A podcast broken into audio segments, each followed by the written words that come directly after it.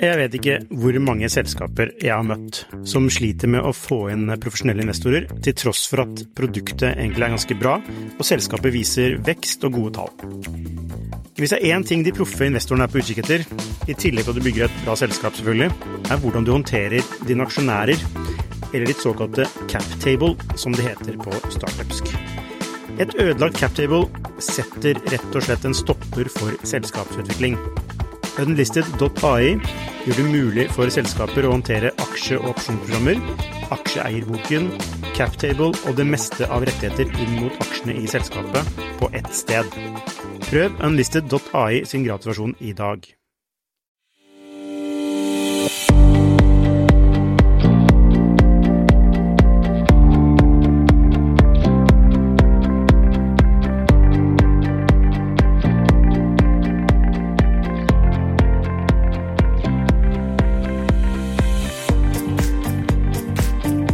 Hei og velkommen til Skifters podkast. Ukens gjest har vært med å bygge et av Norges mest spennende SAS-selskaper, nemlig Atensi. Og der var hun med fra fem ansatte til 250 da hun slutta. Og gikk fra rundt 3 millioner til 150 millioner i såkalt ARR, eh, Annual Recurring Revenue. Nå er hun i gang med en ny startup, Aiba, som bruker AI for å beskytte barn i sosiale medier. Velkommen, Annelise Wahl.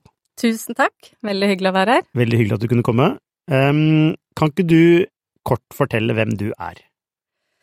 Ja, prøve å holde det kort. Uh, nå har jo du gjort en veldig god intro. Annelise, um, 45 år, bor på Slepen med en gründermann, to barn og to katter. Og har de siste 20 åra jobba med og i spillutvikling i forskjellige former. Først i Funcom, da, Norges største spillselskap.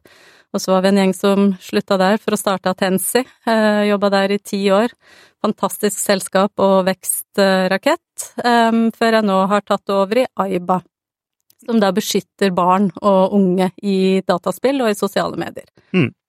Og hvordan ha, hadde det seg slik at du havnet i Atensi? Du, det var eh, litt tilfeldigheter og litt, eh, hva skal jeg si, eh, en rød tråd egentlig i karrieren min, som har vært spill. Jeg jobba i Funcom i, i sju år, og hadde en liten pause der i mammaperm. Eh, hvor det var noen som slutta i Funcom for å starte Atensi. fordi mens vi var i Funcom, så kom det hele tiden aktører fra næringslivet og spurte kan dere lage spill til helt andre formål enn underholdning. Altså New York Fashion Week ville ha et runway-spill, MTV ville ha Pimp My Ride-spill. Så det kom hele tida den type forespørsler, sånn at Trond, som leda Funcom, så at her er det en mulighet i markedet. Den tar vi, og så starter vi et uh, selskap som skal bruke spill til opplæring. Altså e-læring var thing of the past, var kjedelig, ikke motiverende, så han så la oss bruke det vi kan da, om, om dataspill for å lage mye morsommere og engasjerende opplæring. Men du, bare for å bryte inn litt her, for det, bare så eh, folk vet hva Funcom er. For det var, altså, Funcom er vel desidert den mest vellykkede spillselskapet i Norge? Absolutt, hvis du ser på antall titler solgt og størrelse på studio, definitivt det, største. Uh, og lengst, de er 30 år i år, så det er jo definitivt uh, den som har også holdt seg lengst ja. i, i, markedet. Og hva er det, største spillet? Var det Age of Conan? Nei. Age of Conan er det, det solgte jo nest mest i hele verden. Det året det er en juvel Norge har som ikke er så kjent. Uh, det året det ble sluppet. Og så hadde du jo Drømmefall-serien, som nå fortsatt videre i eget studio, så det har veldig mange gode titler eh, på PC, da, først og fremst. Mm. Ok, så man eh, fikk, eh, man fikk, forespørsler fra næringslivet om om man kunne lage opplæringsspill, mm. eller spill til diverse, altså New York Fashion Week, MTV osv. Og, ja. og da ja, dette er en mulighet, dette må vi gripe. Ja, da så Trond dette er en mulighet i markedet, og så samtidig, parallell, så hadde en annen eh, like smart fyr, Odd Skarheim, sett det samme.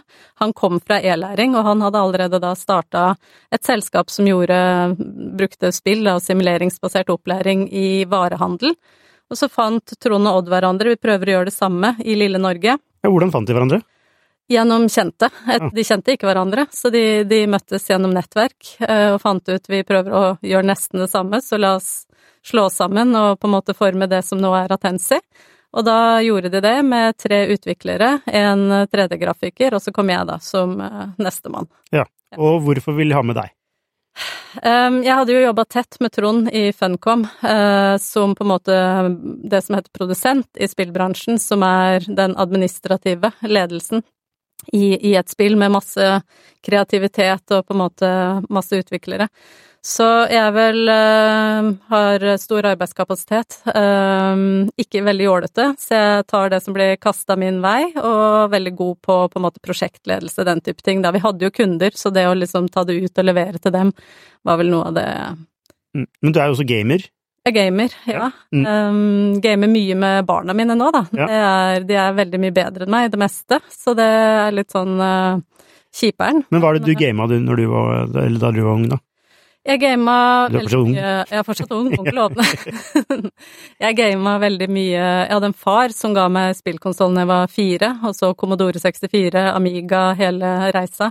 Gama mye adventure-spill, eh, og mye singleplayer-spill, så Myst Riven for de som husker de, og gikk jeg raskt over på Drømmefall og Lengst reisen, den type spill. Ja. Ikke noe stor eh, det som heter MMO, altså World of Warcraft-spill-type, så at jeg skulle ende opp i sju år med å lage MMO, var jo litt sånn eh, tilfeldig også. Men ja. eh, jeg er veldig glad i den historiefortellerdelen, da, i spill. Mm.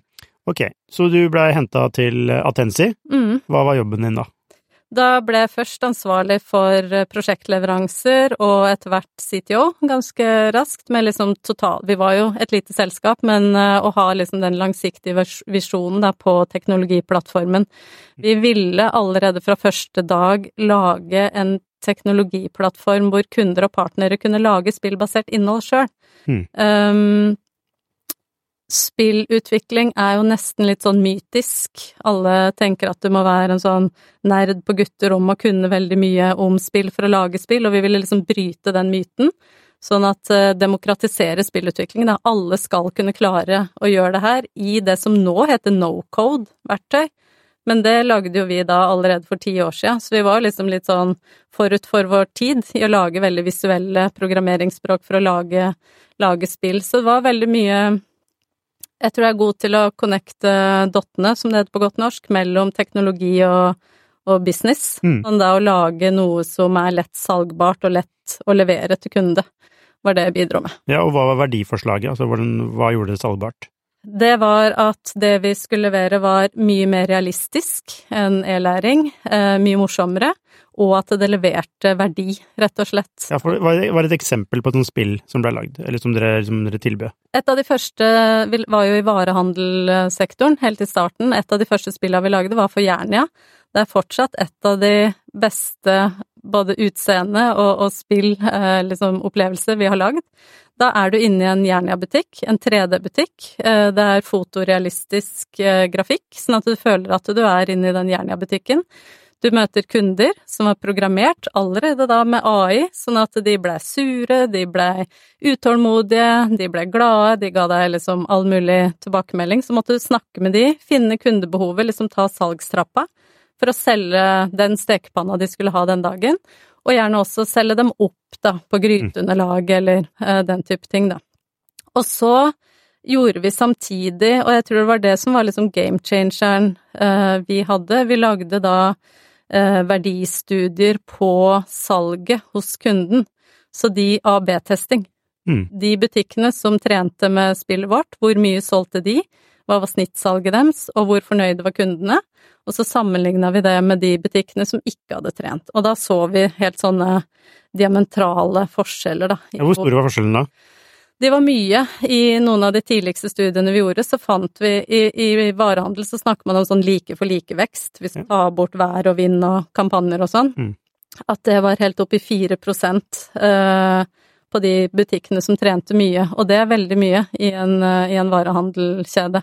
Altså, ja, okay, Så, så de som, de som uh, brukte spillet, de omsatte for 4, 4% mer? Ja, de hadde en like for like-vekst år over år, på den perioden 4% mer. Ja, eh. og når, når det spillet deres, når det kosten for dem er kanskje noen promille ja.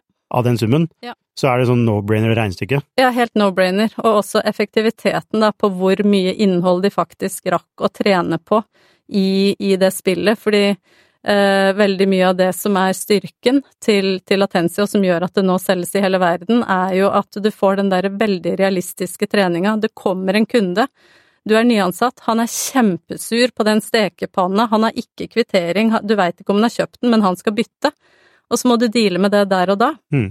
Og den beste læringa er jo hvis du da også gjør feil.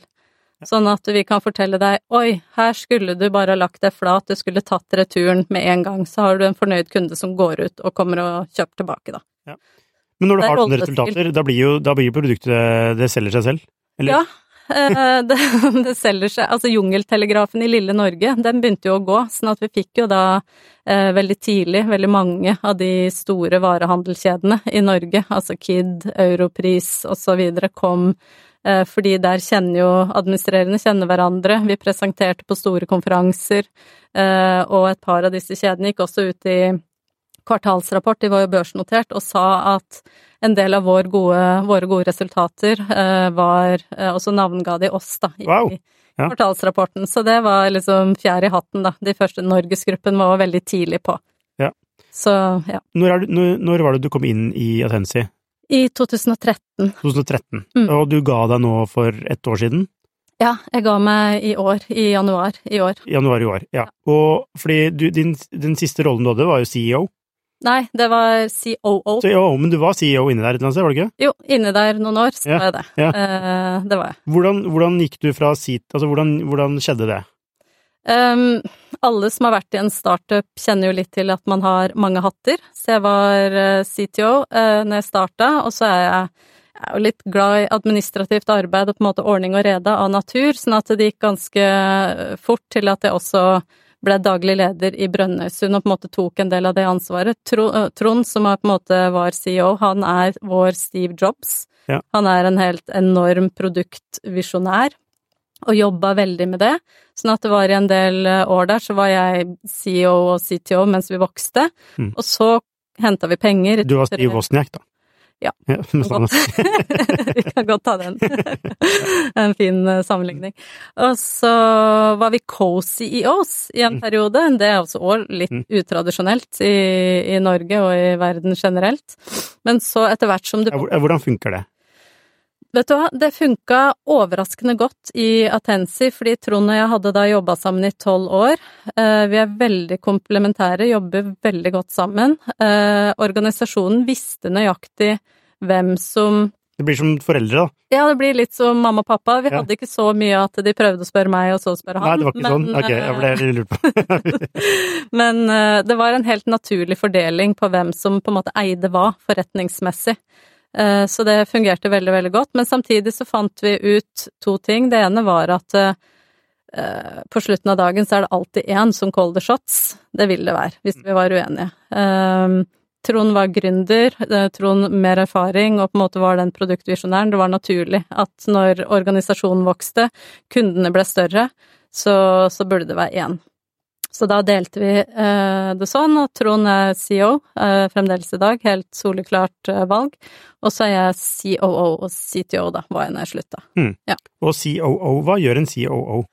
Den gjør eh, Den er jo på en måte høyrehånda, vil jeg si, til en CEO, så den gjør jo veldig mye Hvis du kan si at CEO-en ofte er utenriksminister, så kan du si at COO-en er innenriksminister. Så jeg leda kundeleveranse, blant annet. Jeg leda alt som hadde med compliance, ISO-sertifiseringer, IT Alle de kjipe tingene? Alle de kjipe tingene. som noen bare må gjøre. Ja. Mm. Og hvis du setter i De kjipe, men viktige tingene. Det er liksom eh, litt eh, navet, da, som bare må gå rundt, og det bare Ja. Mm. Trives du med den type oppgaver? Ja, jeg trives veldig med variasjon i Ja. det jeg gjør, Mm. eh, og trives veldig Jeg var nok mer um, strukturjunkie før, og har lært meg at uh, 80% er godt nok hele tida, fordi du har ikke tid til noe annet. Uh, og det tror jeg har vært en, en veldig styrke, da. Er du sånn som har to do-list hver dag? Jeg bygger meg en to do-list hver dag. Ja. Jeg starter hver morgen, empty slate, hvite, tomme ark, og så blir to do-lista til. Mens du Eh, jobber? Mens jeg jobber, ja. Ja. Men da vil den aldri stoppe? Nei, den stopper jo aldri. Nei. Og det er noe av det viktigste jeg har lært, de jeg har leda i, eh, i alle disse åra, det er at to do-lista di, den kommer aldri til å stoppe. Så jeg er nødt til å hele tida kun fokusere på det som er på toppen, for alt annet kan vente. Men altså, ok, du fyller Du, du, du, du starter med blanke ark, bokstavelig talt, hver, hver dag, Ja. og så bare begynner du å jobbe, Ja. og så kommer det ting du må gjøre. Ja. Men når du, er, når du da, som når klokka er fire, du må hente i barnehagen, da, eller eh, du må trene fotballaget, Ja. eh, hva gjør du da? Da river du stykker det som Altså, så starter du på nytt en dag etter? Ja, fordi det jeg på en måte har på lista mi hver dag, det er det jeg er litt redd for å glemme. Ja. Og så har du de større prosessene. Eh, nå jobber jeg blant annet med liksom eh, produktstrategien til Aiba. Det ligger jo der Ja. hele tida. Ja, og det er liksom, det er så du velger ut noe, okay, dette er det viktigste jeg driver med akkurat nå? Ja. De store tingene? Disse tre kundene, denne søknaden, dette må jeg få unna i dag. Mm. Og så kan jeg konsentrere meg om liksom de store linjene, da. Ja, nettopp. Ja. Så det er, det, er, det er såkalt urgent and important. Ja, Det kan du si. De må du, det er det som er på to-do-lista di, som du ikke må glemme. Ja. Samtidig som du har et sånt parallelløp med de store, langsiktige tingene som du jobber på. Ja, Og det har jeg gjerne i et dokument eller en OneNote, eller blokker ofte ut litt sånn kalender noen uker, sånn at det der skal jeg jobbe med dette initiativet eller dette området. Men når jeg slutta i Atensi etter ti år, så var det garantert ting på den to do-lista som hadde vært der i sju år, så bare left unfinished. Og det betyr at hvis det har stått på to do-lista i sju år, Ja. da fortjener det å ikke bli gjort. Ok, så du skal, skal stå så lenge før det ikke skal bli gjort. ja, i hvert fall en god, Ja. en god skjerv. Jeg tar heller en fri en søndag enn Mm. å jobbe med det som står nederst på to do-lista. Ja, Jeg skjønner. Det høres ut som en fornuftig prioritering. Ja. Det er bra. Ok, så da er du eh, Så du er en sånn egentlig en du, du er såkalt doer. Jeg er veldig doer. Ja. Mm. Doer, eh, men med et ganske strategisk gen, tror jeg. Sånn at jeg tror en av mine um, superpowers er å kunne hele tida se langsiktigheten mens jeg på en måte tar de små stega hele tida, men i riktig retning. Ja. Så hva ligger, i, hva ligger i strategi for deg? Hvor viktig er det? Det er et veldig godt spørsmål. Eller ledende spørsmål. Um, ja. Kan det er ikke så viktig. Det er ikke så viktig. Du skal bare gjøre små to do's hver dag. Ja, ja men altså det er liksom det der med strategi versus det å gjennomføre. Ja? Det å tenke masse greier, og versus bare å komme i gang. jeg tror det er det aller viktigste et, et, eh, en startup og et vekstselskap har, hvis man evner å bruke det som et levende dokument. Ja. Eller et levende, på en måte, eh, forslag. Fordi du er død den dagen du på en måte sier nei, vi oppfylte ikke strategien vår, så da eh, hva skal vi gjøre da? Mm. Hele tida. Det er som eh, på en måte å gå på tur i skogen, at du må hele tida navigere og justere etter om det er nå en, en ny krig, om det er chat-GPT, om det er eh, inflasjon i markedet. Altså, du er hele tida nødt til å justere strategien din. Mm. Men det å legge en sånn ja, 12-18-24 eh, som er liksom ditt målbilde, og så bryte opp det, uh, og på en måte Hva heter det på norsk? Uh, Bakover. ja, eller adressere det tre-fire ganger i året, jevnlig. Ja. Si er vi fortsatt on track, er vi fortsatt on track? Det tror jeg er noe av det aller viktigste. Og da, hvis det skjer noe i, i markedet som det er nødt til å ta inn over det, for eksempel generativ AI, da, da er det bare å stoppe, da, og se er strategien vår fremdeles gyldig, eller er vi nå nødt til å på en måte sette alle kluter på å forstå denne nye teknologien og hvordan det kan disrupte Så, så din oppskrift er at, at, at strategien må egentlig besøkes, kall det uke, daglig ukentlig. Om ikke daglig ukentlig, men i hvert fall hvert kvartal. Hvert kvartal, ja, i det minste, men, altså, men daglig ukentlig er jo de det, det må jo følge fra strategien, på en måte. Ja. Det må jo henge sammen, altså det, de tingene du gjør hver dag og hver uke må De, må, de henger sammen. ja, Ja, sammen med strategien. absolutt. Men hvert, altså, hvor viktig er dette, altså, hvordan har du opplevd at dette er viktig? Har du, har du sett, har du sett eh, måte, motsatsen til det? Motsatsen til det er en, eh, en startup, et, et kaotisk startup som på en måte ikke evner å få hodet over vannet. Eh, fordi man enten er helt nedsnødd i hva man har fore, eller, eller ikke har liksom et tydelig målbilde. Sånn at eh, jeg tror det er ganske mange selskaper som på en måte bare, enten fordi de er gamle og på en måte bare lever på gammel moro, eller fordi de er så nye at de ikke enda har sett sin eh, langsiktige vei, at det blir eh, lettere kaos, da, eller at Mm. man bare jobber med det som er status quo.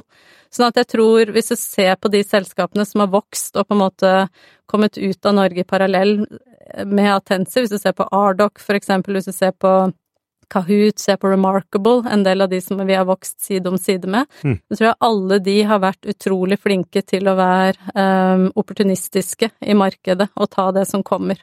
Det tror jeg er en sånn um, En eh, på en måte, hva heter det, en eh, common denominator, er veldig veldig Ja. på norsk. Nei, altså det er en eh, felle, et felles kjennetegn. Fellesnevner. Fellesnevner, ja. Mm. Mhm. Ja, du er bedre på meg enn meg. men eh, ok, så, men altså, så evnen til å uh, tilpasse seg det eksterne, Ja. sam, altså det som skjer i det eksterne, Ja. Uh, er, tenker du at de selskap, altså det, det er det som kjennetegner dem? At de er blant, blant annet det? Blant annet det, og at de er ganske tro mot sin egen eh, på en måte visjon og identitet. Jeg tror det viktigste du må gjøre når du bygger et selskap, det er å ha et sånn indre instinkt. Hva er, på en måte, hva ligger i DNA-et til Latensi, for eksempel, og hva ligger ikke der? Mm. Vi kunne jo mange ganger for eksempel ha gått inn i skolesektoren, og mange som lurte på hvorfor vi ikke gjorde det. Men da skolesektoren er offentlig sektor, den er vanskelig å komme inn i, den er regulert, det er offentlig innkjøp osv. Så, videre. så den ble liksom gang på gang parkert fordi vi kjente at inntektsstrømmene, de er private, kommersielle markedet, så den er vi nødt til å følge. Mm. Vel, ja. Var det noe sånn derre Var det noe måte Valgte dere en spesifikk industri Altså, du, du nevnte retail. Ja. Var det sånn Var det, var det en strategi? At dere skulle gå for retail? Retail var eh, på en måte den naturlige, det var der vi starta. Eh, det var der vi vokste raskt. Eh, ansatt nummer syv i Atensi, Christer, som nå leder England og USA i Atensi, han kom fra BCG med en sånn global retail-bagasje, så han kunne alt av analyser, industrien inn og ut, og var da også hjernen bak en del av disse tidlige eh, impact-rapportene da, som vi kunne levere på dokumentert effekt. Mm. Sånn at det var veldig naturlig å på en måte vokse videre i, i retail, og også i på en måte eh, food to go, eh, den type hospitality-bransjer. Mm. Men vi eh, åpna også tidlig opp i helse, hvor vi fikk i et av de første åra så fikk vi et sånn gigantprosjekt for Sykehuset Østfold når de skulle bygge nytt sykehus på Kalnes, hvor han som var CEO der, Just, han hadde en visjon om at jeg har jo arkitekttegningene til sykehuset. Eh, Dette sykehuset skal åpne om to år. Jeg har jo verdens beste mulighet til å gjøre mine ansatte kjent på sykehuset og i sine prosedyrer lenge før sykehuset er klart til å tas i bruk. Sånn at, eh, og det er litt sånn, det kjennetegner en del av de, de første kundene vi hadde, at det var veldig visjonære ledere Mm. som trodde på en annen eh, opplæringsform, som da på en måte dro inn en del av de her store prosjektene som vi fikk i starten. Så da ble helse også en, en eh, større sektor. Men det er også offentlig sektor, da. Helse er også offentlig sektor, så derfor, altså, det kan vi ha en egen podkast om, pilotsyken i offentlig sektor. Det har aldri blitt en kjempesektor, men det har vært en del viktige prosjekter som har vært døråpnere der. Mm. Um, hvis du ser på Atensi i dag, så er fortsatt retail og food to go hospitality en kjempestor sektor, men har også blitt uh, veldig stort i særlig konsulentverdenen, hvor alle de store, BCG, McKinsey, Accenture etc., bruker uh, Atensi sine verktøy for opplæring. Og etter hvert også industri. Um, Equinor, Hydro Ah, så, så både retail, altså alle som står bak en skranke, basically, mm, eh, og, men også konsulentselskaper. Ja. Hvordan, hvordan bruker de altså, ja, Hvorfor er det 3D viktig der?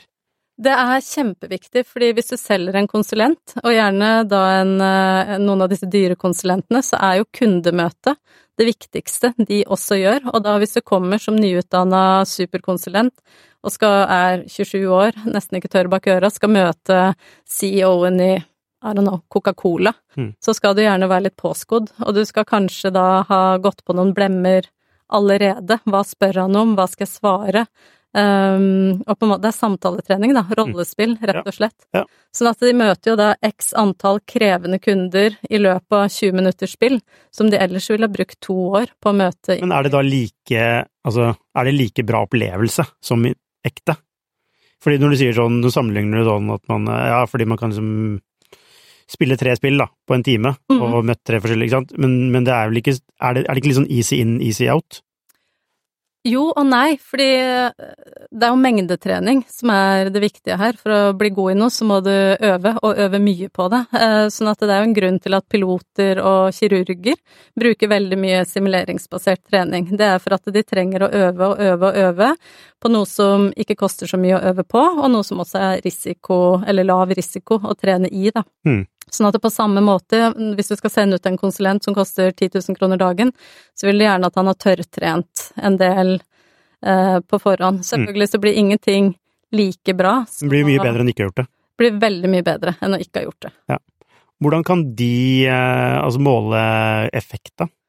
De kan eh, måle effekt på veldig mange måter. Én ting er å se om kundene blir, eh, blir mer eh, fornøyde, men kanskje den viktigste innsikten vi gir tilbake til de organisasjonene, er ikke nødvendigvis en sånn kroner og øre-analyse, men innsikt i hvor organisasjonen deres har kompetansegap. Sånn at hvis du har dekt fire forskjellige tema i et spill, la oss si du har dekt anti-hvitvasking, korrupsjon osv., så, videre, så kan du da la alle nye konsulenter spille gjennom, og så kan du si fellesnevneren her er at eh, de stort sett ikke vet noen ting om antikorrupsjon. Mm.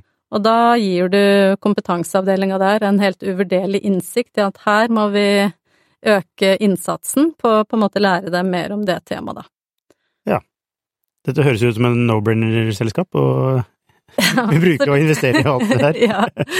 Det, det var vel altså Viking Venture som eh, kjøpte seg inn, gjorde det ikke det? Jo, i, i 20... Altså, Atensi har vært ganske unikt i den forstand at det har vært lønnsomt fra dag én. Mm. Sånn at eh, fra 2013 da, og, og helt fram til man begynte kraftig vekst, så tjente man penger.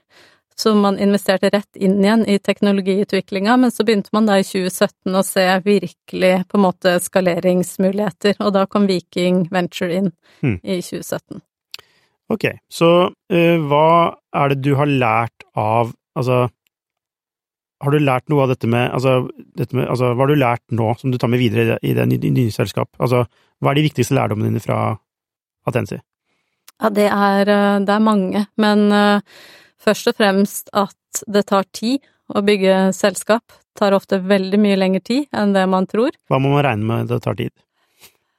Minst fem år, fem til ti år, ikke sant, før du Det er veldig sjelden vi hører om de her, i hvert fall i Norge, de her hyperskaleringsselskapene. Mm. Um, og da er de gjerne B2C, hvis de, hvis de klarer det. Hvis det tar så lang tid, når vet, altså, vet man at det går bra? Hvis det, altså, hvordan vet man at det går bra? Det vet man ofte underveis gjennom på en måte kundedialog. Når var det du litt sånn- skjønte at eh, Atensi, dette er dritbra? Det skjønte jeg første dagen før jeg hadde starta der, og Ja. av den grunn av at eh, mamma hadde klesbutikk når jeg vokste opp, så jeg vok uh, jobba i den klesbutikken uh, fra jeg var liksom 14-15 år, og ble opplært av mamma på hvordan du skulle selge mer skjorter til desperate menn på julaften, ikke sant, som ikke hadde kjøpt julegave og alt sånn. Uh, var jo bare mesterlæring. Eh, og så hadde jeg, visste jeg hvordan jeg lagde dataspill, så når jeg da kom og så det Jernia-spillet eh, første dag før jeg hadde starta det, så var det sånn Det her er en no-brainer, fordi hvor mange er det ikke som jobber i, i butikker og på restauranter som hvor godt de lærer arbeid, er bare hvem de har lært det av. Mm. Det er liksom ingen konsistens nødvendigvis i det. Så det skjønte jeg allerede da. Men når jeg skjønte at det her blir butikk, det var jo etter hvert som flere og flere store selskaper fikk øynene opp. Eh, når vi fikk den første internasjonale kunden, blant annet når Christer flytta til London i 2017, og vi begynte å få internasjonale kunder, da skjønte vi jo at det, det her er helt unikt. Vi snakka med flere og flere investorer, store HR-selskaper, som sa vi har ikke sett noen ting som ligner på dere.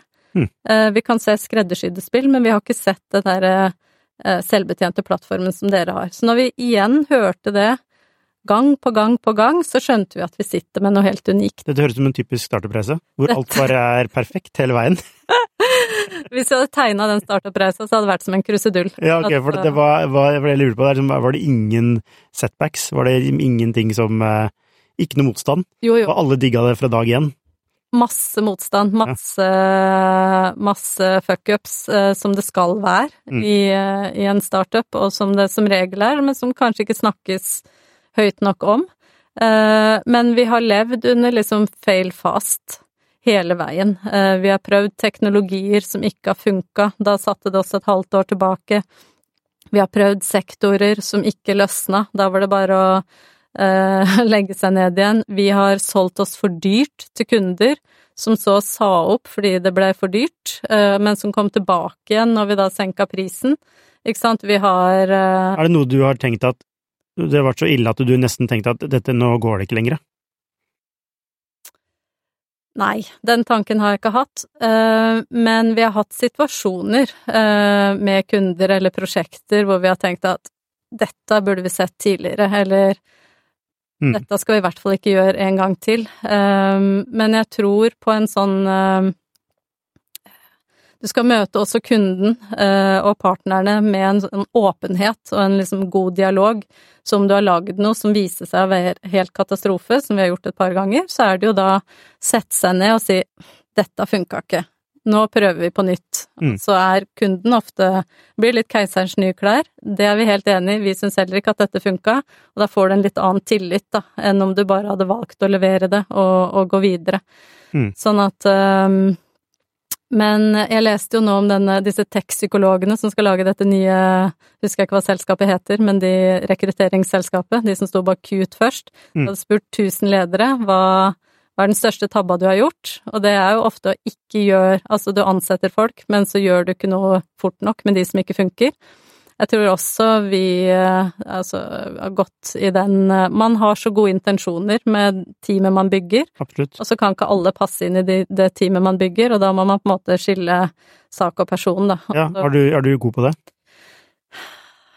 Jeg tror jeg kan møte de fleste på gata og slå en prat, som, eh, som ikke lenger jobber i Atensi. Ja, og hva er din måte å, å løse et sånt problem på? For det, det er jo, altså ansatte betyr jo alt, Ansatte betyr alt. og på, på godt og vondt, da. Ja, ja, ja. Mm. Eh, det handler jo først og fremst om å være grei, være ærlig, og så er jo eh, samtaler som kanskje ender i at man skiller veier, de er jo ofte ubehagelige. Så det handler jo litt også om å tørre å stå i det ubehaget. Eh, og begge kommer ut av en sånn samtale best hvis man tør å være rake pucker, tenker jeg da. Ja.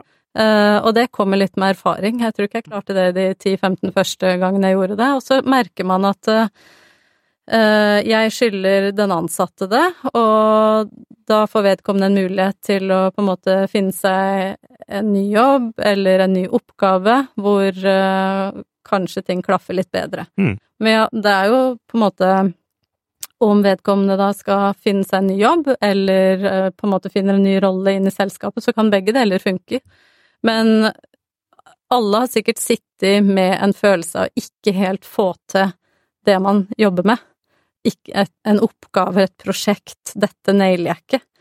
Og da er det ganske greit å få muligheten til å enten lære hvordan du skal gjøre det, eller muligheten til å gjøre noe annet som du kanskje trives bedre med, da. Har du kjent på det selv noen ganger?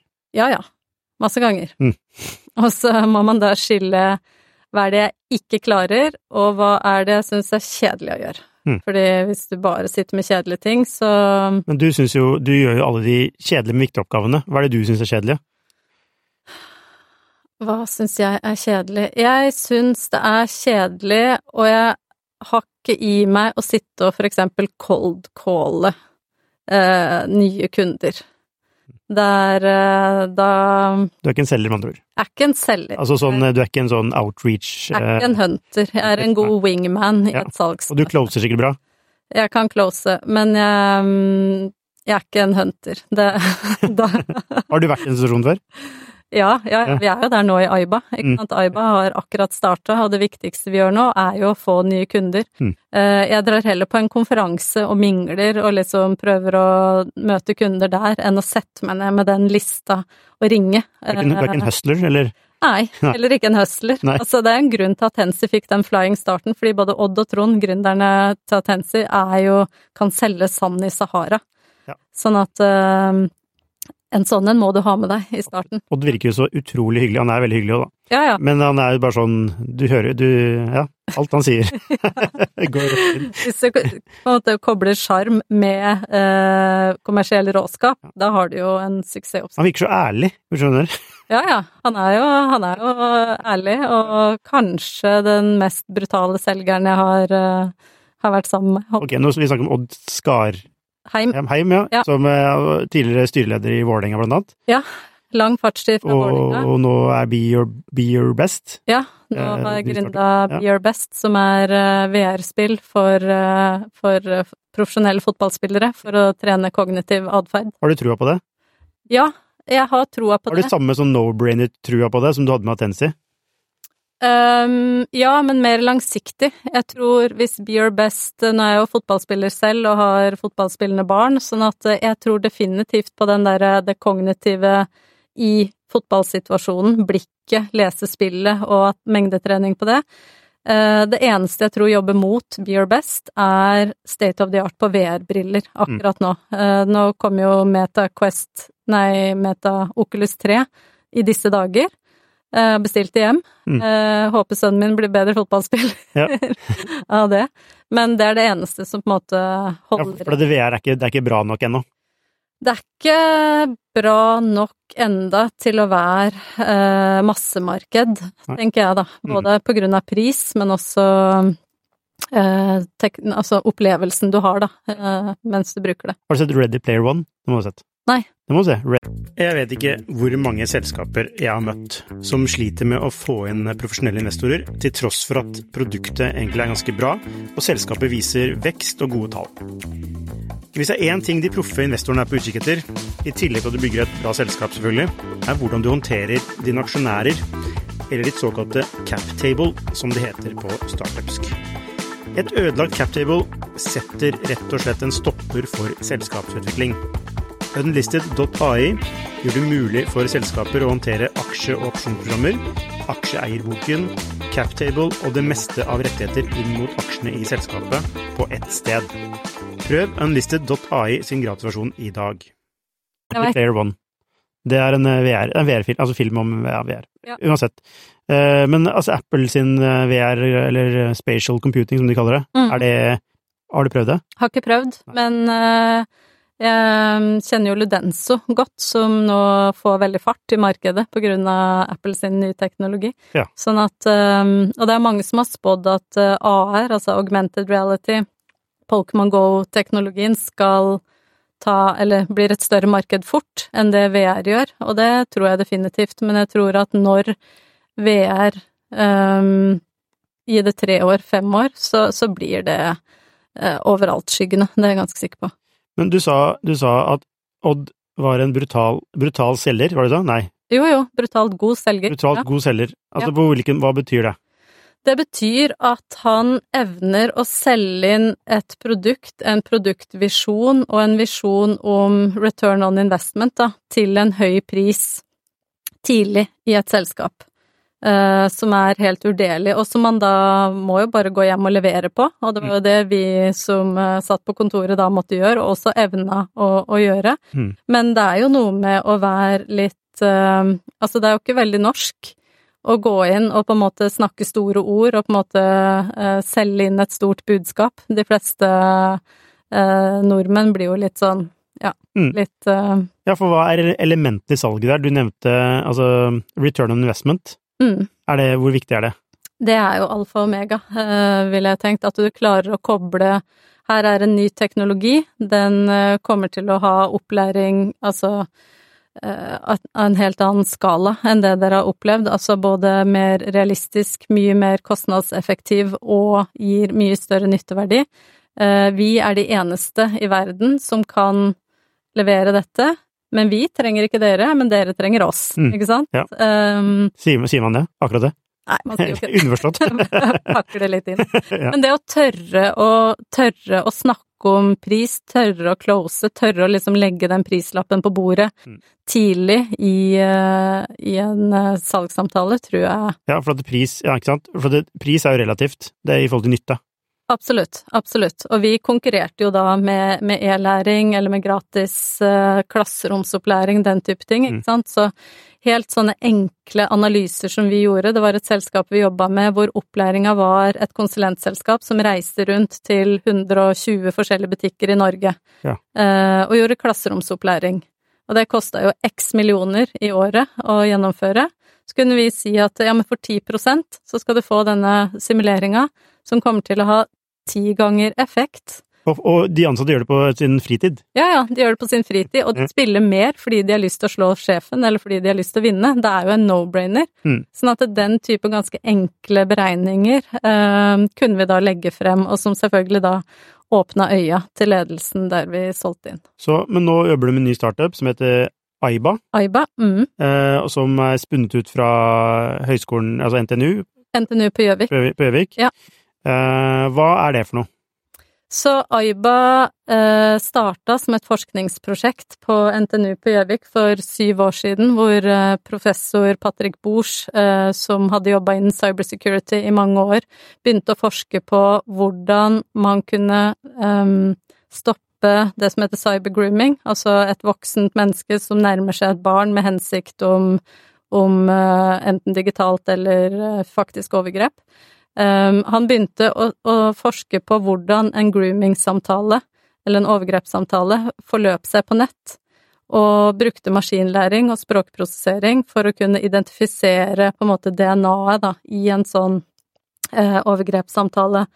Både teksten, eh, men også det som heter eh, atferdsbiometri, altså hvordan du taster på et eh, keyboard, hvordan du bruker mus. Det avslører hvem du er, både i alder og kjønn. Hvordan du taster og hvordan du bruker mus? Ja. Altså, på hvilken måte, hva, hvordan, altså, kan man taste på forskjellige møter? Ja, du kan taste på veldig Alle vi taster på veldig forskjellige måter. Altså, hva slags touch-metode du bruker, liksom? Ja, Touch-metoden din, hastigheten, hvor hardt du trykker en, eh, en Det kan avsløre i hvilken grad du er en potensiell overgriper. Nei, eh, det kan avsløre ditt, eh, din alder og ditt kjønn, først og fremst. Kan det det? Og det har blitt brukt eh, Forskninga til Patrick kom opprinnelig fra det som heter kontinuerlig autentisering. Ja. Altså at man kan se for seg at man kan logge på systemer ved å skrive, så vet vi at uh, dette er Lukas. Ja. Han skriver sånn. Og nå kom sønnen til Lukas. Da merker vi at det ikke er samme person, og da kan du bli logga ut av det systemet. Og samme på en måte footprint kunne man da bruke for å um, avdekke Er du Du sier at du er jente tolv, men vi eh, oppdager i biometrien at du er faktisk mann 40 pluss. Og da har man på en måte ett datapunkt da, som fører oss nærmere. Er dette noen som har eh, ikke gode hensikter? Nettopp. Så det, dere er en slags, det er en slags grooming alert? Det er en slags grooming alert, eh, rett og slett, som eh, vi har jo samarbeid med politiet, Ja. som har gitt oss Fordi grooming, eller det å avsløre overgrep på nett, er ikke bare et ingeniørproblem. Det er også veldig mye psykologi, selvfølgelig, og veldig mye atferd som eh, Og hvordan prosessen på en måte eh, går fram, da. Og det har vi jo fått veldig mye innsikt i fra, fra politiet og fagmiljøene som jobber med det. Mm. Um, og så handler det da rett og slett om at vi skal sette i stand spill og sosiale medier til å stoppe den type um, uh, samtaler før du kommer dit at du har avtalt et møte eller avtalt uh, å flytte til Snapchat for eksempel, fordi der får du tilgang til bilder og video. Mm. Sånn at man Dette er et eksponentielt problem. Men hvem er kunden deres da? Er det type Facebook? Eh, ikke enda.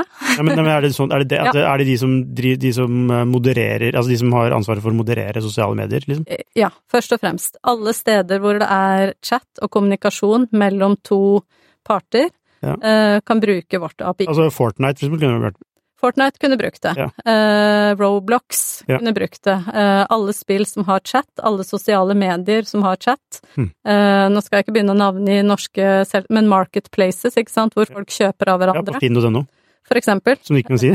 som ikke skal si.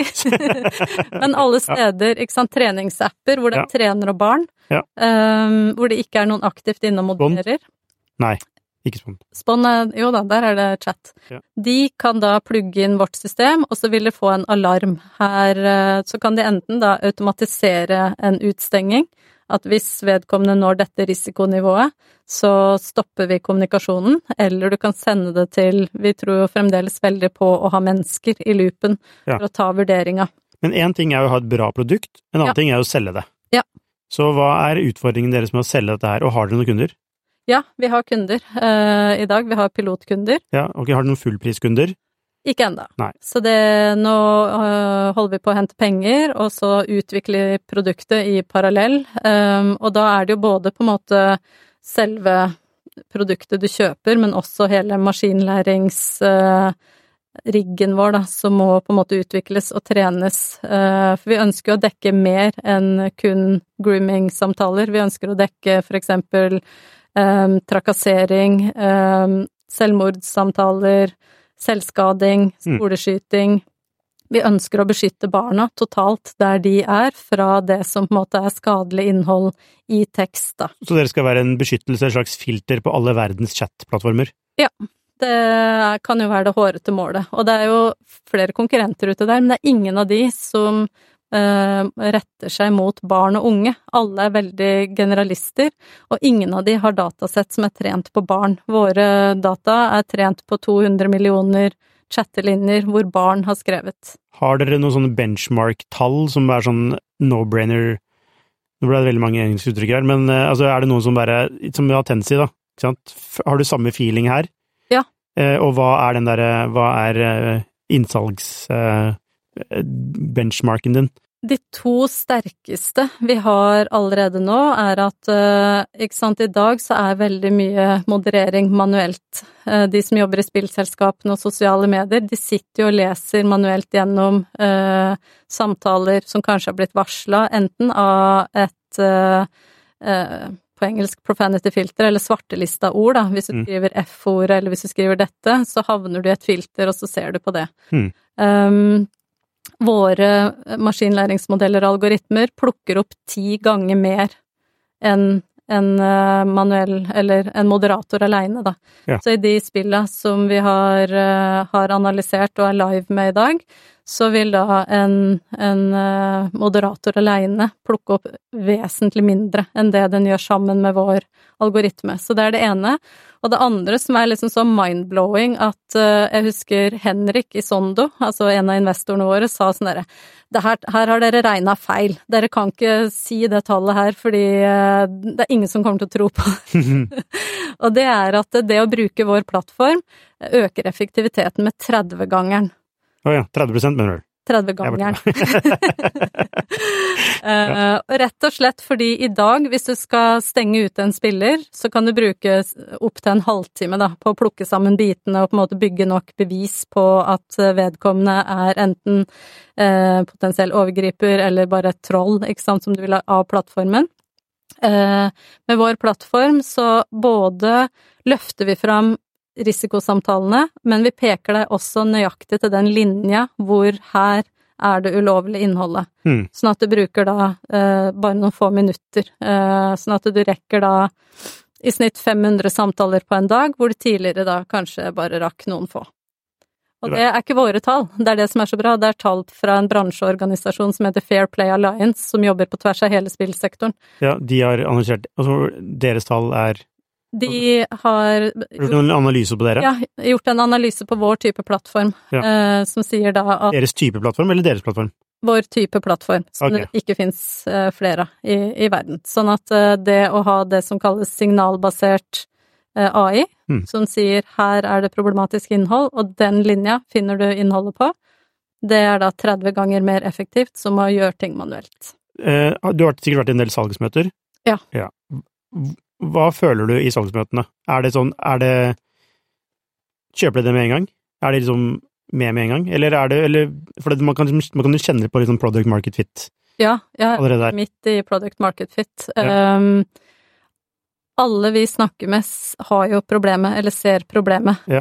Eh, 100% og ser behovet.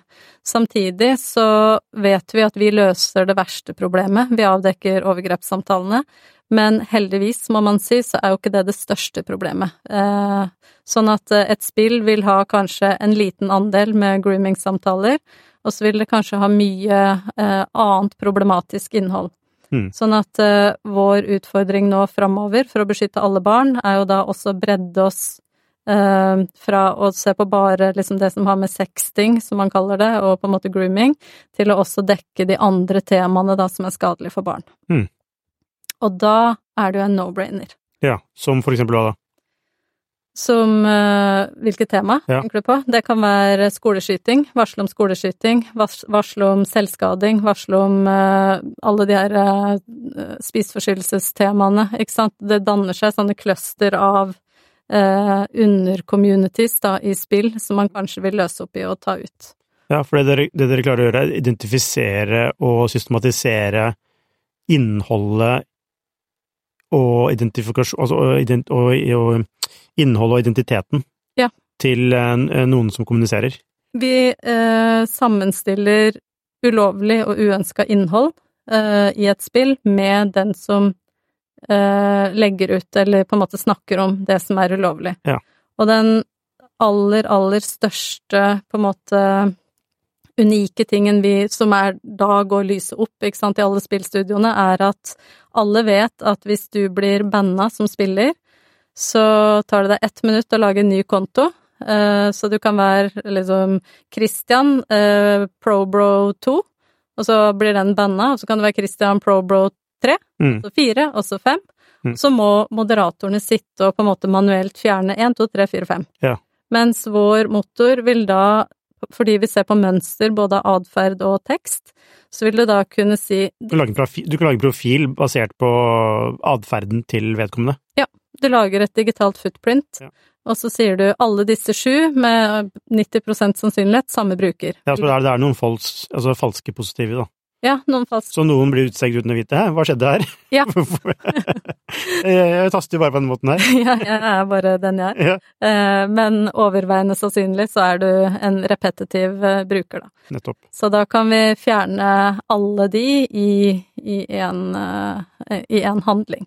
Ja, nettopp. Og det er um, et, en utfordring som alle spillselskapene kjenner igjen. Mm. De trolla som bare ikke gir seg. Ja, og fra Atensi-reisen og det, det, du holder på med nå, hva er den, hva er liksom, hva er den, der, hva er den tingen du tenker er sånn overførbart? Dette, dette her må, det gjorde vi i Atensi, dette må vi gjøre her. Det handler jo kanskje om tre ting. Det er å bygge rett team, altså bygge bra team fra starten av. Hvor viktig det er eh, å ha et team som på en måte både er Hva er et bra team? De er um, verdensklasse, vil jeg si, på sitt felt. Mm. Alle har liksom en spike uh, på sitt felt. Um, de er um, har det gøy på jobb. De har en eller annen sånn uh, felles uh, Kjemi. humor, kjemi, ja. ground truth som, som, alle på en måte kommer tilbake til. Um, og så tror jeg man alle må ha den der the grind, ikke sant, som det er å være i en startup. Ja. Har du the grind? Ja. Eller har du brukt den opp? Nei, jeg håper jeg ikke har brukt den opp. Det ville vært synd for Aiba. Nei, det var det jeg kjente på når jeg slutta i Atensi. Ja. At uh, jeg hadde mange tanker om, hva jeg kunne tenke meg å gjøre, men det var det derre uh, the grind en gang til. Mm. Uh, før jeg Ja, for du, du, er jo, du og din mann, dere har jo to barn, dere er fotballtrenere begge to. Dere ble jo kåra til årets fotballtrenere, eller? Ja. Fotballforeldre. Fotballforeldre. uh, altså, det er jo hektisk å balansere familieliv med gründerskap, og ikke minst når begge to er gründere. Ja, absolutt. Og i tillegg så vi har en del engleinvesteringer. Ja. Um, så det var jo også en tanke, ikke sant. Kun jobbe med egne investeringer og portefølje og følge opp de selskapene. Mm. Det var vel det jeg på en måte var nærmest ved å, å følge mm. Uh, når jeg ga meg i Atensi, at uh, jeg, det er så gøy å jobbe på en måte i startup-økosystemet, jobbe med selskaper som er i forming og liksom er på vei opp. Mm. Um, at jeg tenkte ja, men hvis jeg jobber kun som investor eller med min egen portefølje, så kan jeg jo bare jobbe med så mange. Og Ja, måte, Nettopp. ja. Ja. Men jeg tror det blir litt ensomt. Det var i hvert fall det jeg kjente på. At da har jeg jo ikke mitt team, eller jeg er jo ikke i på en måte eh, andre som er i min grind. Sånn at jeg ville ha eh, Ville gjøre det en gang til, da. Ja, og hvem har du, får du investert i en del selskaper? Ja, vi har en liten portefølje. Hvor mange da? Vi har eh, sju, åtte, ni eh, Er det noen som har liksom gått kjempebra? eh, Det er flere som er på vei opp. Ja. Um, Er det noen som har feila? Um, ja, eller ikke feila, men det er noen vi har eh, tapt penger på, ikke økt beholdningen på, sjøl om selskapet ikke har feila. Ja. Ja. Kan du nevne noen av selskapene dere har investert i? ja, vi har investert i Ludenso, Det er jo en, et selskap som jeg som eh, har veldig stor plass i hjertet mitt. Aiba gikk jeg jo først inn som engl- engleinvestor i før jeg begynte å jobbe der, så det var jo eh, naturlig selskap. Um, Favoritt uh, er vi inne i. Uh, Det er de som driver med sånn betaling? ja. QR-betaling. Ja. Uh, Avan, som holder på med fantastiske kjoler, er vi inne i. Fantastiske kjoler? ja, det er um, Nå klarer jeg ikke å på en måte forklare det godt nok, men det er, eh, det er en tanke om å ha bærekraftig kjole At du bare har én kjole. Det er nattkjolen din, det er go to-kjolen din som du kan gå ut på gata i, i Mm. eh, en sånn bærekraftig mote. Universalkjolen? Universalkjolen. Kanskje ikke for deg, men, men for, eh, for damer en sånn der Er det alle damer drømmer om? Ja, En, alle. en, et plagg de kan bruke til Den ene kjolen Ja. er det vi drømmer om. Ja. Så, så det er nå noen eh, fra toppen av hodet. Ja, Ja. ja spennende. Mm. Og hvilke vurderinger gjør dere når dere investerer? Det er jo gjerne innen et domene vi enten kan eh, en del om, eller gründere vi har veldig tro på. Eh, vi er jo inne i også de to siste Startup Lab-fondene, Ja. sånn at eh, der får man jo innsikt i veldig mye Mm. som beveger seg i underskogen av alle startupene. Mm. Sånn at da blir man litt kjent med gründere, og så blir man kjent med team, og så har man noe å bidra med. Det er jo ofte det at vi har noe, enten et nettverk eller en teknologikunnskap å, å bidra med, som gjør at vi plukker de selskapene, da. Ja, for Aiba, det, hvordan eh, kom du i kontakt med de, egentlig? Du, det var Hege, som er vår CEO, som cold-calla meg. Hun er mye tøffere enn meg på det, um, men hun tok kontakt via Sondo, som er en av investorene våre. Eh, Ble kobla til meg og spurte rett ut eh, kunne du tenke deg å sitte i styret når de starta i fjor.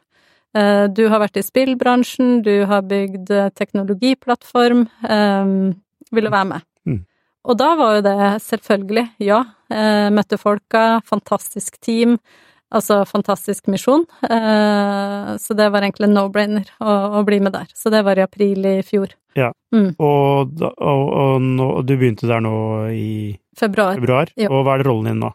Nå er jeg ansvarlig for produkt. Jeg er også COO der. Eh, egentlig bare høyrehånda til Hege på veldig mye av det som nå ligger foran oss, på alt fra det kommersielle til eh, produktstrategi. Eh, ja, vi er jo fortsatt så små at nå gjør alle Jo, Hvor mange er dere nå? litt alt. Vi er åtte. Åtte. Ja. Kjenner du deg igjen fra den tiden i Atensen da dere var fem, eller er det annerledes nå?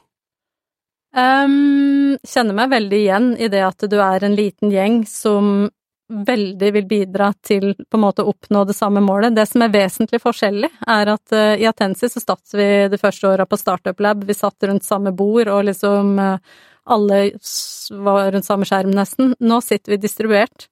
Uh, alle sitter stort sett på hjemmekontor, møtes en dag i uka på Gjøvik. Jeg er den eneste som sitter i Oslo. Ja. Sånn at um, Hvordan funker det, helt ærlig? Det funker ganske bra. Ikke optimalt? Nei, jeg ville sagt at det helt optimalt så er alle i samme rom hele tida. Ja. Mm. um, men da er man nødt til å finne sine knep for at det skal funke. Uh, og det er å liksom ha veldig lav terskel for å ringe hverandre. Man må legge inn en halvtime med kaffe fordi man møtes ikke til lunsj. Mm. Uh, og så har vi nå også blitt enige om at én dag i måneden skal vi være sammen hele dagen. Altså vi møtes om morgenen, og så jobber vi sammen, og så går vi ut og spiser. Sånn at mye av det der eh, som du kanskje drar utover en, en uke eller en måned Mm. ellers, det klemmer vi sammen på, på en dag. Mm.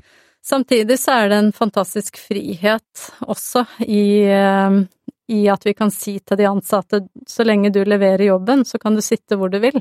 Eh, og det er på en måte det viktigste. Da tror jeg vi får tilgang til eh, helt andre talenter enn om vi bare hadde leita på Innlandet eller bare hadde leita på Gjøvik, nei, Oslo.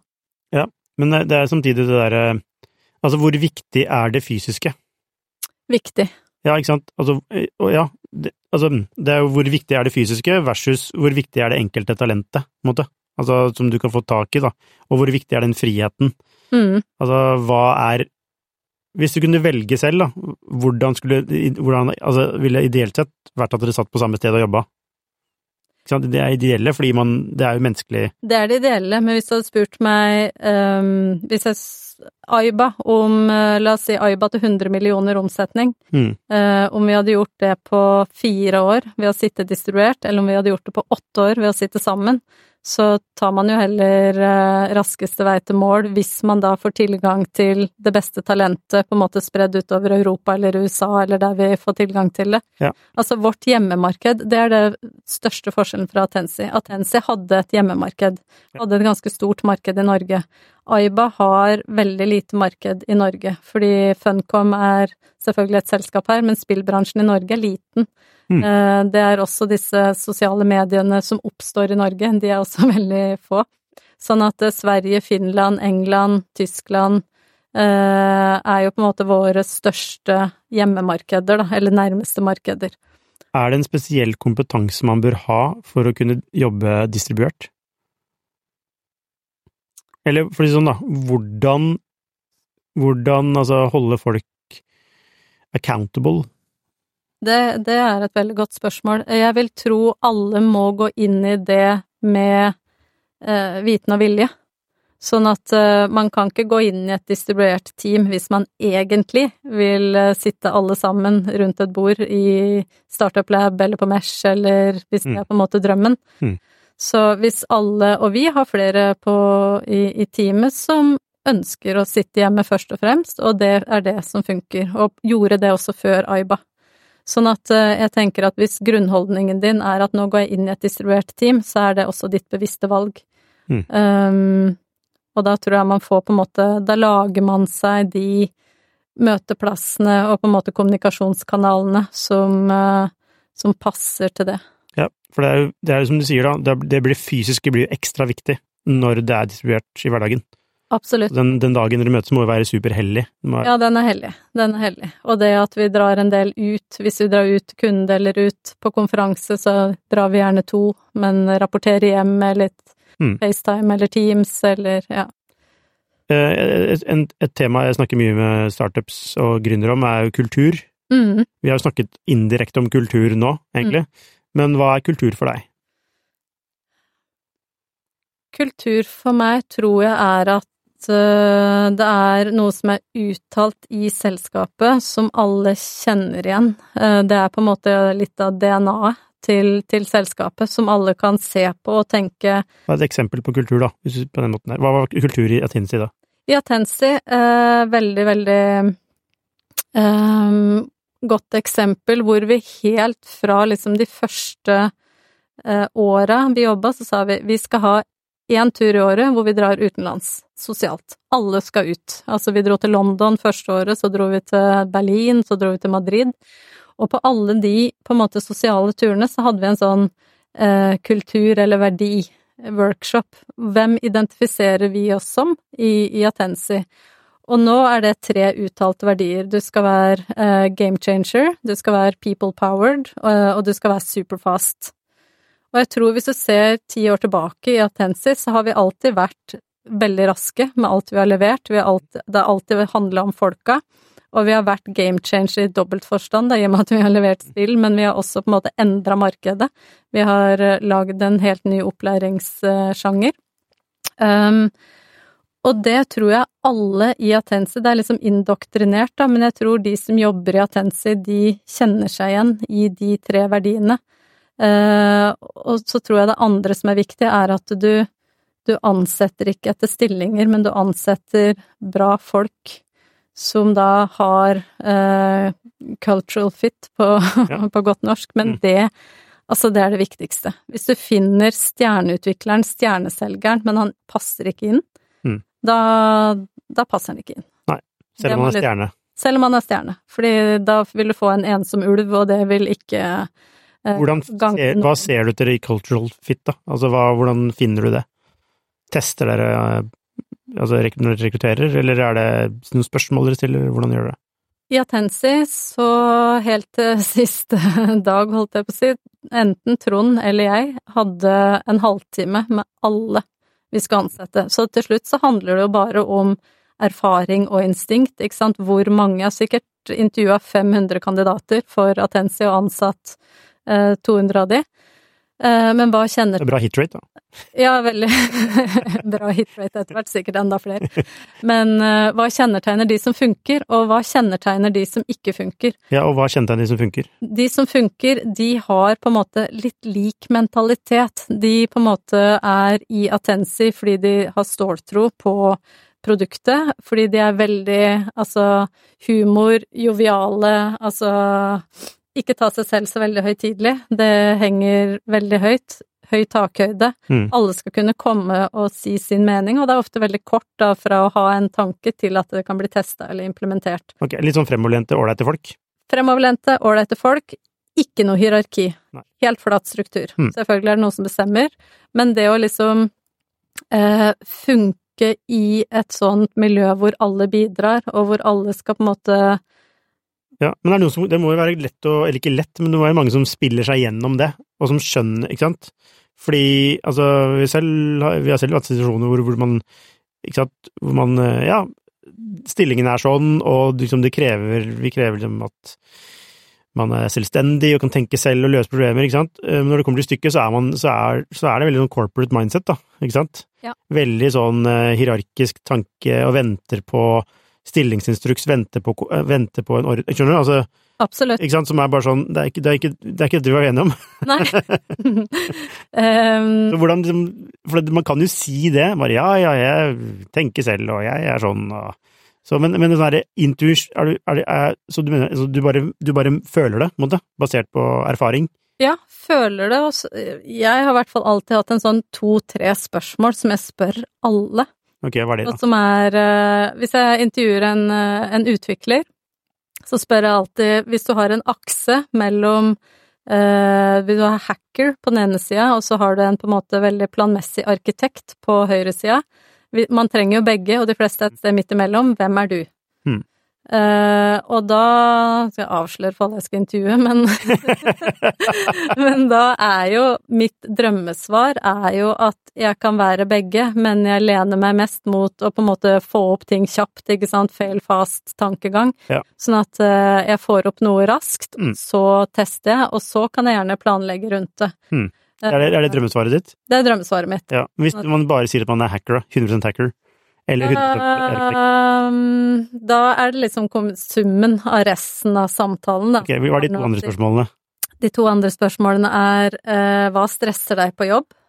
Uh, og da kan du gjerne få det du nettopp snakka om, ikke sant. Nei, jeg må ha mine arbeidsoppgaver må være skrevet ned, så jeg vet nøyaktig hva jeg skal gjøre. Mm. Og jeg går fra jobb uh, 15.30 hver dag, altså hvis man er veldig sånn uh, firkanta eller veldig opptatt av den Regelstyrt? Ja, veldig ja. regelstyrt, så vil du ikke passe inn tidlig i en startup. Nei. Så da er det spørsmål nummer to, og så får man litt fram hva som stresser vedkommende, og så eh, hva gjør du når du blir stressa? Mm. Fordi da skjønner du også hva slags nivå av stress man snakker om. For da kan noen si sånn Nei, jeg lager meg en tekopp, og så går jeg ut og tar litt luft, og så fortsetter jeg å jobbe. Mm. Ja, men ok, men da det stresset vi snakka om at stressa deg, det er sånn håndterbart stress. Mm. Men hvis det er noen som sier nei, jeg har um, Da har jeg vurdert å bytte jobb, eller da går jeg i svart liksom i en uke, eller da Altså noe som ikke er håndterbart, og man har liksom lang erfaring med å møte så store vansker at man ikke helt vet hva man skal gjøre, så har man på en måte kartlagt litt det, og da vet du hva du skal spørre om i referansesamtalen, da. Mm, ja, topp. Og, det, og nå, nå, ga du jo svarene, da, på hvordan man skal hacke seg inn i AIBA nå, ja. hos deg. Ja. Men poenget er jo at det, man lurer bare seg selv. Ja. Man, altså, fordi da, da, vil man ikke funke, og da vil man uh, få den vanskelige samtalen med deg på et eller annet tidspunkt, kanskje. Eller med Hege, da. Eller med Hege, ja. Uh, så det er, jo, det er jo Det handler om det. Det handler om bare å finne det stedet man passer inn. Ja. Altså, det går begge veier. Det handler ikke bare om at man har fått en ansatt som ikke passer inn, men det handler også om at en ansatt har fått et, en arbeidsplass som ikke passer, kanskje. Ja, ja, ja. og Mm. det er jo ikke sånn at uh, hele Norge skal jobbe i startups. Nei, og, du, og hvis du ikke passer inn et sted, da, skal du bare være der? og ikke utvikle deg, liksom? Fordi du er der? Uh... Og så tror jeg du får da, uansett hvor kort eller langt, eller det innblikket du får i et oppstartsselskap Man møter jo veldig ofte store selskaper som ønsker å på en måte vri seg litt mer mot på en måte en smidig kultur eller en rask kultur, så jeg tenker jo bare det å ha litt erfaring fra på en måte en sånn litt kaotisk, rask startup-tilværelse vil jo på en måte kunne bidra inn i mange større selskaper i på en måte litt mer strukturerte former, da. ja, det er litt mer light-versjonen? Ja. Eller ganske mye mer? Ja. Ok, men du, du, nå, du, du sover godt om natta nå? Jeg sover alltid veldig godt. Har du alltid sovet godt gjennom de siste 13-10 årene? Ja. Jeg sover altfor mye og altfor godt hele tida. Ok. Så du, er det noe som virkelig Altså, er det ingenting som holder deg våken om natta? Nei, det er veldig, veldig lite som holder meg våken om natta. Eh, det er det. Men eh, det betyr jo ikke at ting ikke kverner, eller ikke går Ja, for hvordan, hvordan dealer du med det når ting kverner? Altså, hvordan, hva er din måte å takle stress på, da? Min måte å takle stress på er ut i skogen eller løpe eller eh, Altså, de hjemme merker kort lunte. Ja. Altså, jeg ligger ikke søvnløs, men jeg får veldig kort lunte. Mm. Um, og smeller litt med dører og den litt sånn kruttønne, og da er det bare å bli dytta ut i alle bare Nei, nå, ta deg en løpetur, eller kom deg ut. Ja, og det hjelper å løpe. Det hjelper å komme seg ut og løpe og få frisk luft og gå en tur i marka. Ja. Det kan jeg faktisk skrive under på, og det er faktisk vitenskapelig bevist også. Ja. Er derfor jeg også gjør det. Ja. Jeg leste en bok som heter Hjernesterk, jeg vet ikke hvem av forfatter, men eh, hvor viktig Altså, det, hvis man er veldig irritert eller veldig sint eller veldig stressa, Mm. gå en time, Ja. eller lø- løp en time, så er, eh, så er det liksom mye mer balansert. ja, da kan jeg skrive under på det. Funker hver gang. Annelise, du, det har vært en fornøyelse å snakke med deg om eh, både reisen din i Atensi, men også fått innblikk i eh, Aiba og veien videre. Jeg ønsker deg bare masse lykke til videre, og tusen takk for at du kunne komme og dele dine erfaringer og din innsikt her med Skifters lyttere. Takk for at jeg fikk komme. Hei, hvis du likte denne episoden, så abonner på den, og gi den gjerne en femstjerners rating med dine tanker.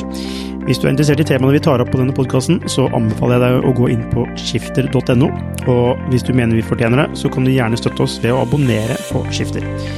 Takk for at du hørte på, så ses vi neste uke.